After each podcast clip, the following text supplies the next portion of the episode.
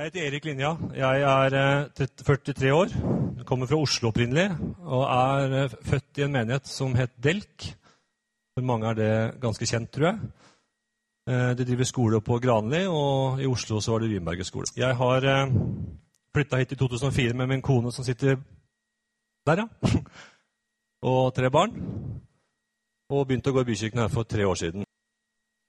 Har bakgrunn, fire år bakgrunn eh, en slags teologisk utdannelse og er utdanna sykepleier. Jobber med det til vanlig. Hvis jeg ser litt våt ut, så har det med at jeg døpte meg for en halvannen måned siden i Kypros. Fullt neddykkelse. Hysj, ikke si det til eh, Men det er gjort. Og hvis jeg ser trøtt ut, så er det fordi jeg var i seng klokka åtte dag tidlig. Etter en ti timers nattevakt. Prekenen var ferdig klokka fem. Her står vi nå. Ja, jeg kan sikkert skrive en bok om det rare livet jeg har levd, men det gidder jeg ikke å utlevere her nå. Det viktigste var det som skjedde bak de dørene her for et, under et år siden. David Hasseløy sto her og preka. Det var frikveld, ungdomskveld. Jeg var for å kikke. Det var Elevate Vi hadde sånn Elevate-seminar den helga, tror jeg. Men kvelden der så utfordra David meg på å bli kobla på. Hooked on. Jeg strakk opp hånda bakerst der på et ungdomsmøte. Gamle, feite gubben. Jeg følte meg ikke så høy i hatten, for jeg ble frelst i 1,90. Når han utfordra meg på å bli kobla på, så var det for meg Jesus-tilhenger. Det har jeg vært siden 91. Hvis du får opp statistikken, Sebastian fra, Ja, her ser vi. Det er noen tall. Jeg er ikke matematiker og ikke blåruss. Jeg er snekker i bånn også, forresten. Men når du står nederst her, så skal det stå, heng, skal, skal du stå tilhengere. Jeg ser jo ikke tallet engang. Ja. Men eh, Jesus-tilhenger, det er flott å være. I Norge så har vi ca. 2,9 millioner biler. Og så har vi nederst der, ser dere 1,2 millioner tilhengere.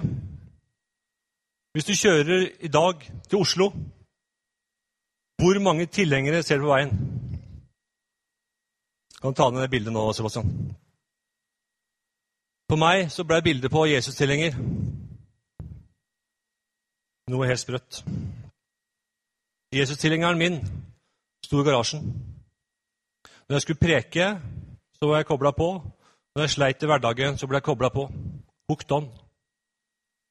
Men den kvelden da, september i fjor, hvor David utfordra oss på å koble på Kobla på Jesus. Tilhengeren fikk en funksjon. Det var ikke bare som oppvaring. Hvis vi går til 2. Timoteus 1, 3, 7 så får Timoteus et brev fra Paulus. Og det er jo på en måte Det er på en måte litt rart. Vi leser i Jesu navn. Jeg leser vers 3. Jeg takker Gud, som jeg tjener med en ren samvittighet, slik mine forfedre gjorde. Når jeg ustanselig husker deg i mine bønner natt og dag. Jeg lengter inderlig etter å se deg.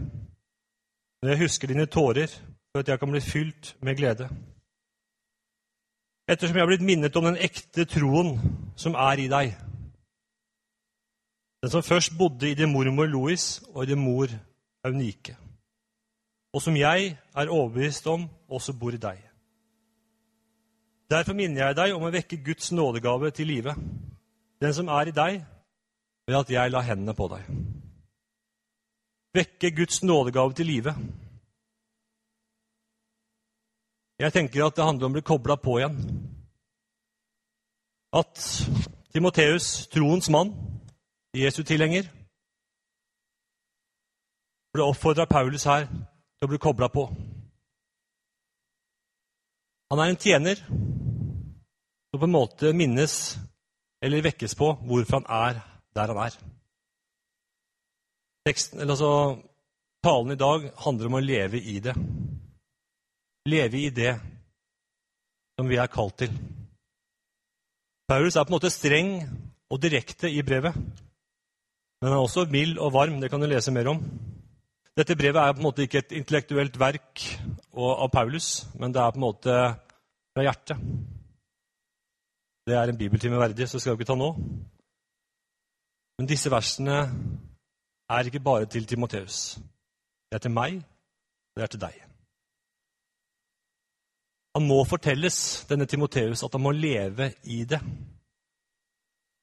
Og det er fort gjort å leve der man er, uten å leve i det. Paulus forteller om denne generasjonen før Timoteus, om mormor og mor. Hele slekta er jo på en måte troende. Og han tar det også for gitt at Timoteus er der hvor de var. Nådegaven blir vekket til liv, iallfall blir utfordra til det. Snakker om nådegave, forresten. Stian her i stad.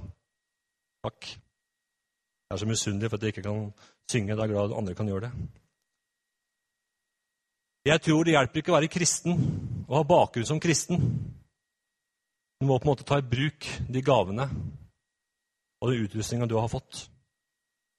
Og jeg tror at der du har blitt plassert, der er du for Gud. Helt til du får en annen beskjed fra Han. For Gud, han taler også i dag, som han gjorde på Jesu tid. Og han er i går og i dag den samme. Du må bare ta deg tid til å lytte til Han.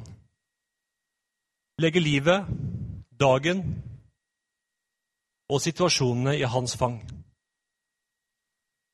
Å være Jesu disippel betyr nettopp det å leve så tett på ham at man begynner på en måte å bli prega av ham i hverdagen.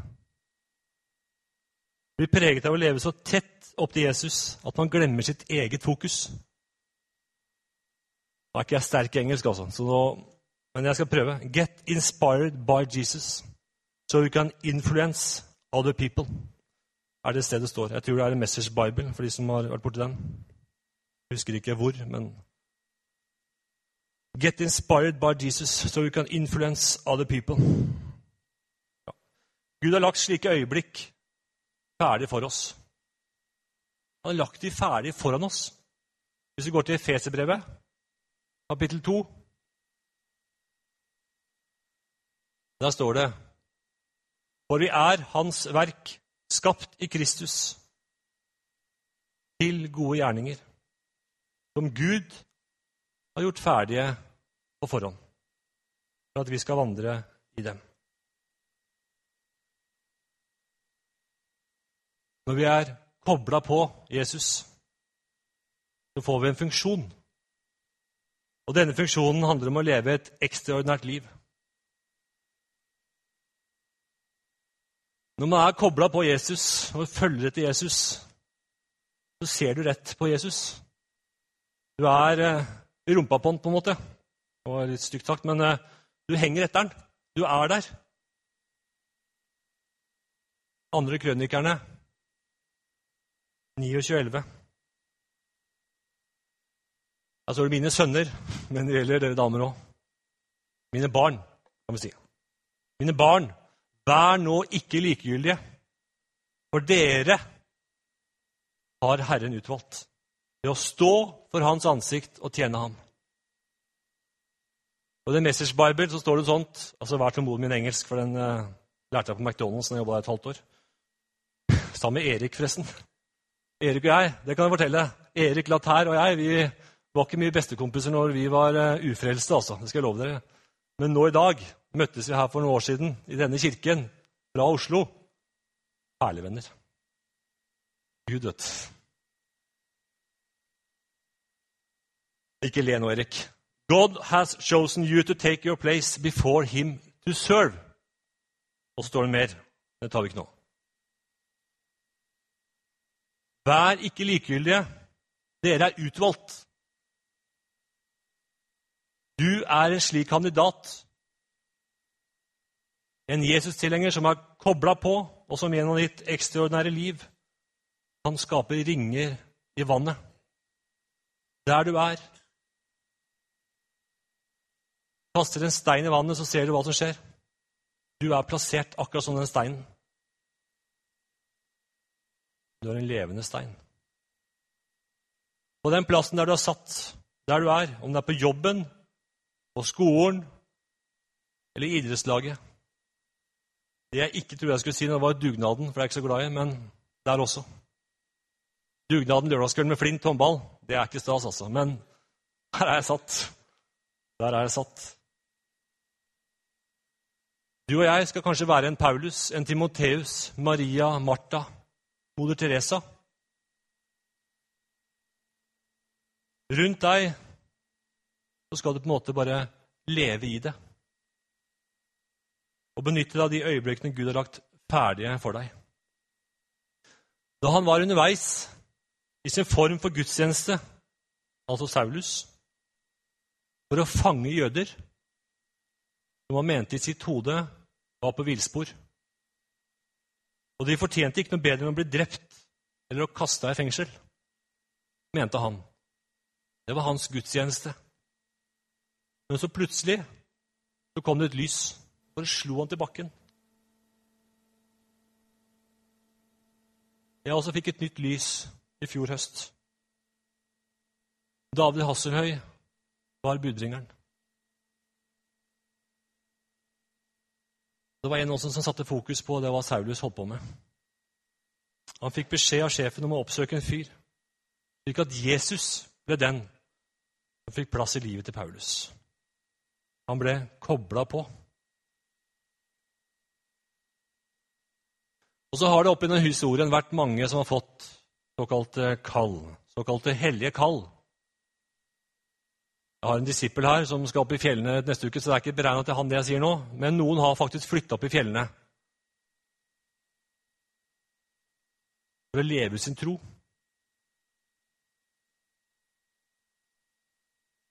Gjerne putter seg inn i en hule for å leve der. Noen snakker om at folk flytter inn i tilfluktsrom for å leve som kristen der. Når man kommer ut av disse rommene, så blir man på en måte helt virkelighetsfjern. Det er vanskelig å få kontakt med slike mennesker. Jeg har jobba i psykiatri noen år, så jeg vet litt om det. Når vi lever våre liv slik Jesus vil, så handler det om å leve åpen og ærlig. Og det er ikke 99 men det er 100% eller ærlige og åpne liv.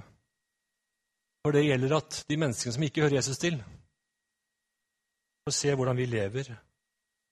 I våre utfordringer, i våre krangler, i våre samliv, i vår måte å oppdra barna på, osv., osv. Dette er kanskje vanskelig, tenker du. Hvis du går til 2. Korinterne 12,9 og 10, men han sa til meg, 'Min nåde er nok for deg.' For min kraft blir fullendt i svakhet. Og derfor vil jeg mest av alt rose meg av min svakhet, for at Kristi kraft kan ha rom hos meg. står det en setning til i neste vers der. Derfor så gleder jeg meg midt i min svakhet, sier Paulus og videre. Det andre er så virkelighetsfjernt for oss, og det gidder jeg ikke ta med.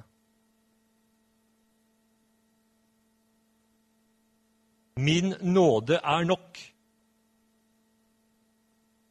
Jeg lærte 16 vers 16, nei, jo 16 vers på gresk når jeg gikk på den eh, såkalte teologiutdannelsen min. Jeg husker ikke noe av det i dag. Men nok. Nok. Ordet 'nok' på gresk heter arkio. Og det handler om at du på en måte skaper en barriere, en avvergning. Og det handler om at mitt eget, det jeg har, det skyves til siden. Det stenges for den nåden som er mer enn nok. Slik at du får mulighet til å leve i det der du er. Det handler ikke om eh, utgraving av eh, gamle gravhauger. Arkeo. Arkeologi, ikke sant? Det var morsomt, var det ikke det? Det er bra dere er våkne her, for jeg er kjempetrøtt. Men eh, du måtte sperre av ditt eget liv. Du må sette en stopper for det, og så må du åpne opp for Jesus.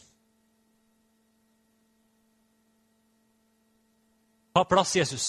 Fyll opp. Fyll opp med alt det jeg trenger i rommet, som er mitt eget. Og han vet jo hva jeg trenger. Han vet at jeg trenger til pågangsmot, til kjærlighet, en evne til å se andre mennesker. Det er hva behovene deres er. Når jeg snakker om andre mennesker, snakker jeg ikke om familie eller menighetsmedlemmer. Jeg snakker om andre mennesker utafor der vi er. Det handler om å leve i det oppdraget du har fått. Være kobla på. Og mitt liv de siste årene har vært preget av mye jobbing for å skaffe en god inntekt i familien. Det har vært et jag etter å få ekstravakter. Jeg jobber litt forskjellige steder. Og enda mer innkom. Jeg har helse til det, og jeg har muligheten til det. Vi har en tålmodig kone. I hvert fall innimellom. Men når jeg ble kobla på i fjor Det var jo kanskje en gradvis dreining, men når jeg ble kobla på da begynte jeg å tenke litt nytt. Jeg slutta ikke å jobbe så mye. Men i den bransjen jeg jobber, så er det mye stillesitting, det er mye kontakt med mennesker. Du får kjennskap til folk utafor kirken. De er veldig nysgjerrig på den uh, rare Erik Linja, som uh, kaller seg kristen og oppfører sånn som han gjør. Det blir på en måte uh, mye mulighet for vitnesbyrd. et nytt fokus på hva Gud kan gjøre med meg. Slik at jeg lever i det også på jobben. Jeg har hatt noen heftige nabokrangler de siste årene. Jeg har byggesaker rundt noe som har tatt mye krefter. Mye ondskap inn i bildet, og vi har på en måte blitt med på den onde karusellen. Men nå var det en nabokrangel her for ikke så lenge siden, og Erik og jeg bare satte oss ned og ba. Eller sto og ba. Han kom i joggedressen sin, og jeg kom i bilen min. Se hvor sprek han er bare ba vi om at denne, måtte, denne, denne, denne konflikten måtte få en løsning. Så blei det jo litt lys i tunnelen da. Men det er det å koble seg på. Ikke bli med på den onde karusellen. Du må våge også å stå som Daniel. Ikke vike på det som Bibelens grunn snakker om. Det handler om å være til stede, slik at vi gjennom vår tilstedeværelse kan røre andre. Det var en kvinne som kom og rørte ved Jesus, husker dere? I flokken. Jesus bare merka det og ble rørt ved det. Og det skapte noe hos denne kvinnen, nemlig helbredelse. Sa ikke så mye. Vet ikke hvor lang tid jeg har brukt nå. Går det bra? I fjor så var jeg takknemlig. Jeg er, som kanskje noen av vet, leder av Halloven Tønsberg. I fjor så fylte vi Slagenhallen. Vi lagde faktisk norgesrekord, nesten. Uoffisielt, iallfall. Takk til dere. Det er Betania og Bykirken som står bak, pluss mange andre flotte medarbeidere. Det handlet for oss som gjorde dette her, om å lage noe annet. For å la folk som ikke tør å gå inn døra her, komme til Slagenhallen og møte oss som frelste mennesker. Vi som er kobla på, vi som tror på en Jesus som har gjort store under for 2000 år siden, som kan gjøre det i dag. Altså der, De som ikke vet det, så leverte vi ut godteri. Vi har 40 aktiviteter cirka, hvor eh, barn måtte gjøre en aktivitet for å få godteri. Einar var jo helt i fyr og flamme. Myreng. Men barna også, vet du, de samla godteri i poser. Men så hadde de kjøpt inn bare 450 kilo, tror jeg det var. Ja, 400 kilo godteri. De leverte noe tilbake, så ikke tenk på at de kaster bort pengene i kollekten. Men, eh, men vi måtte dele ut mer. Ungene sto i kø Ingrid, kona mi, hun fant på det at vi skulle dele ut noe som het ventegodteri. Og når du går bort til en fire-femåring, bøyer deg ned og sier 'Hei, hva heter du?' 'Jeg er Mathias.' 'Åssen går det, Mathias?'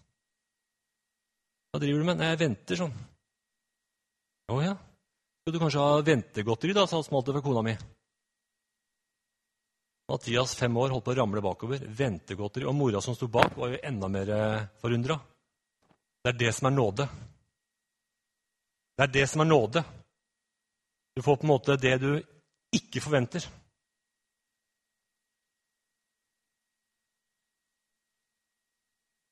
Det å få noe uventet, få hjelp der og da. Gutten stoppa opp han en hektisk kveld og fikk plutselig bare smågodteri. Og så hørte Jeg her, jeg jobba sammen med restaurantsjefen på en kjent restaurant i Tønsberg. Så hørte jeg om en gjeng kristne mennesker som hadde sittet en sommerdag og sunget lovsanger. Nå skal ikke jeg kritisere folk, men jeg gjør det for det. Altså, det er på brygga i Tønsberg, midt på høylys dag, masse folk uten avtale med restauranteieren. Da blir jeg flau. Og folk som kom til meg etter halloween i fjor og sa at hvorfor hadde dere ikke kristen musikk i hallen? Skulle vi, sa jeg. Jo, for da kan du påvirke.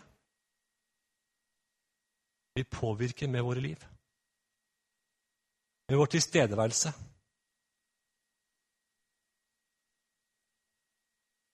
Jeg skal avslutte snart, men det er en historie fra Australia. Brian Houston har sagt det sånn Alt ved deg, hva du lever for, måten du lever på og bekjennelsen din, kan få folk til å tenke på evigheten. I Australia for mange år siden så var det en kar som het Arthur Stace. Han ble frelst for en av de mest krokete liva som noen gang har eksistert i Australia. Og Da kan dere gjette hva han driver med. Trenger ikke vite. Det er riktignok en historisk fangeøy, men det var noen år etter det. Men han levde et forferdelig liv. Men Gud møtte han nå. Han ble frelst. Og etter at han ble frelst, så fikk han det for seg én en eneste ting. Det er at han skulle skrive med krittet utafor kirken. Du få opp ordet? E-T-E-R-N-I-Ty. Og for de som er gode i engelsk, så vet de at det betyr evighet. Hver dag utenfor kjerka, altså utenfor kirken, ikke inni. Så tok han krittet opp av lomma, gikk ut, skreiv store bokstaver, sikkert. Det må jo bli sett. 37 år senere, på millenniumsfeiringa i Melbourne, så ser man med neonbokstaver på brua E-T-E-R-N-I-T-Y.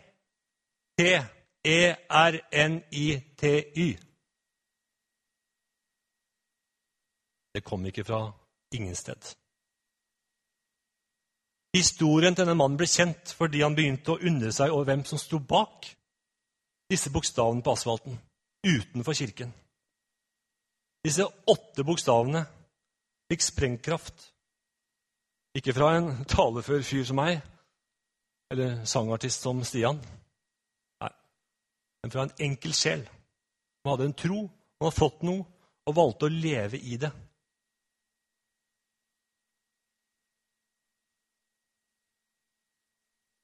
Kom on, stig om bord, bli med meg på en tur, sier Jesus.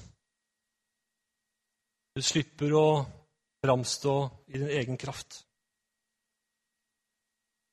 For du vet det at det livet du lever i deg selv, det er så dirty, det er så skittent og lite fristende for de andre. Men når du skyver bort det og sier til Jesus alt mitt er ditt Egoismen Så lever vi for en større hensikt. Vi lever plutselig for det Jesus har gitt deg og meg. Det var en som sa det slik at mennesker som trekkes mot den Gud som lever i deg. Det handler om at Gud lever i deg.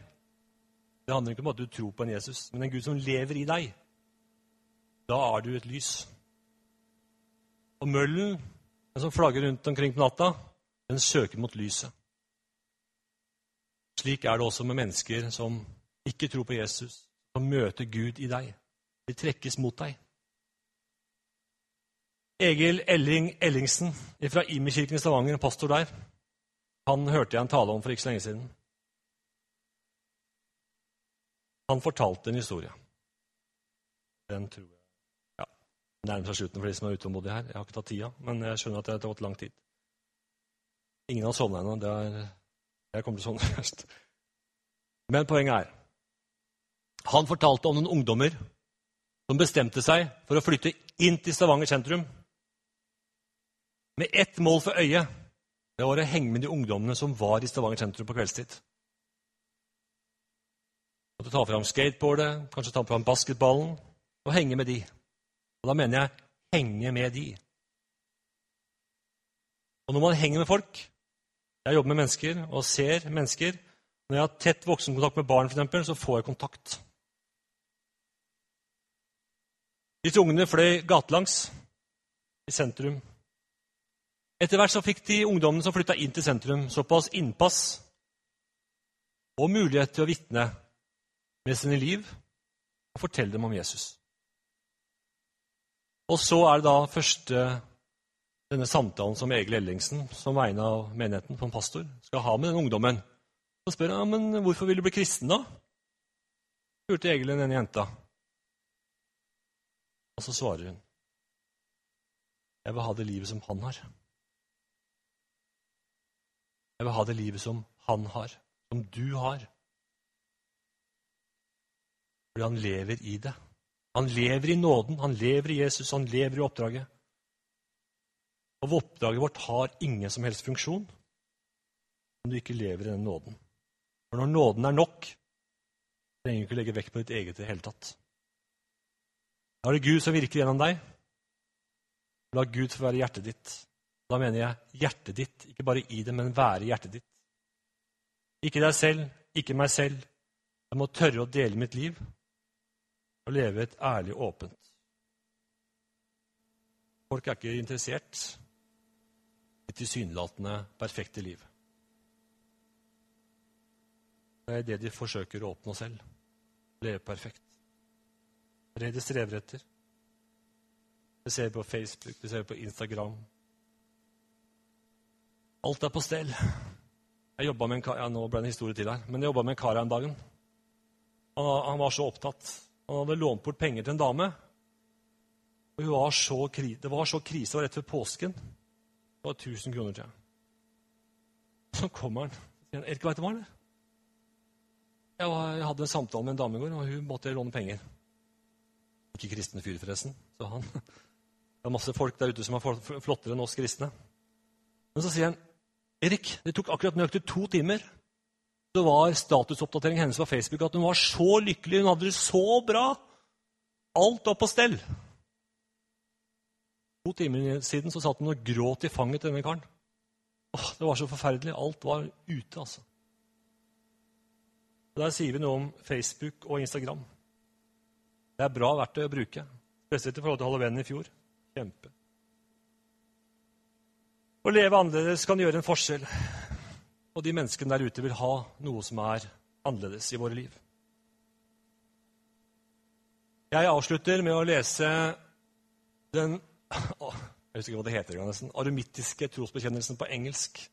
Fritt oversatt på The Message. God smile on you and gift you. God look you full in the face and make you prosper. Hvis jeg husker min engelskundervisning på McDonald's, så var det å skape din fremgang. Gjøre noe med deg. Og så kan vi ta Matteus 28, 18-20 til slutt. Det er jo denne Og den kaller ikke jeg for misjonsbefalingen, altså. Det er en hvilepute. Jeg kaller det, det skal vi ta en annen gang. Hvis jeg får lov til det, Einar. Men eh, dåpsbefalingen, eller disippelbefalingen, handler om Men bare enkelt God authorized and commanded me to commission you. Takk, Jesus, for at du er til stede, og at du kaller mennesker, Jesus. At du vil at de skal leve i deg, Herre. Jeg takker deg for denne dagen her, at det kan skape en ny giv hos oss, Jesus, til å gå ut og vitne om deg i våre liv, Jesus. La oss kjenne at du er med oss, at din nåde er mer enn nok for oss, Jesus. Jeg ber om det i Jesu navn. Amen. Det er at den prekendag har vært utfordrende for noen. Og det er litt kleint en søndag med masse lys og, og sånt. Men for å ta et standpunkt, så vil jeg gjøre det sånn at alle lukker øynene sine, slik at de kan få lov til å være i fred, at ingen kikker på andre og, og sånt. Og så er det sånn i en sånn sal, jeg vet jo det fra i fjor, at det er noen som bestemmer seg for å ta en ny kurs. For å ta en ny En slags omvendelse. Dette er ikke jeg god på, jeg har ikke gjort det før. Men Gud er her, og jeg tror at han vil at du i dag, du som har fått noe som rører ditt hjerte, der du er, så skal du få en ny styrke og en ny kraft til å stå i det du er. Og jeg ber deg, Jesus, om at uh, du er med disse menneskene her i dag. Og så er det noen her, Jesus, som uh, sikkert vil ta et 180 graders sving og bestemme seg for å gå med deg, være kobla på. Og Jesus, du ser det mennesket som er her nå, som er frelst, og så ser du kanskje de som ikke er frelst. Jeg ber deg, Jesus, om at du virkelig nå lar det mennesket ta hånda i været når jeg teller til tre. Én, fordi at Gud er glad i deg, og han vil at du skal være kobla på. To, det er at han vil også at du skal leve i det. At du skal bestemme deg. Også for å få en hjelp til å starte et nytt liv med Jesus, så vil han at du skal på en måte bestemme deg. Jeg ber i Jesu navn om at dersom du nå vil ta en ny kurs fra i dag av, så kan du være frimodig og rekke opp en hånd uten at folk ser det. De har lukka øya sine.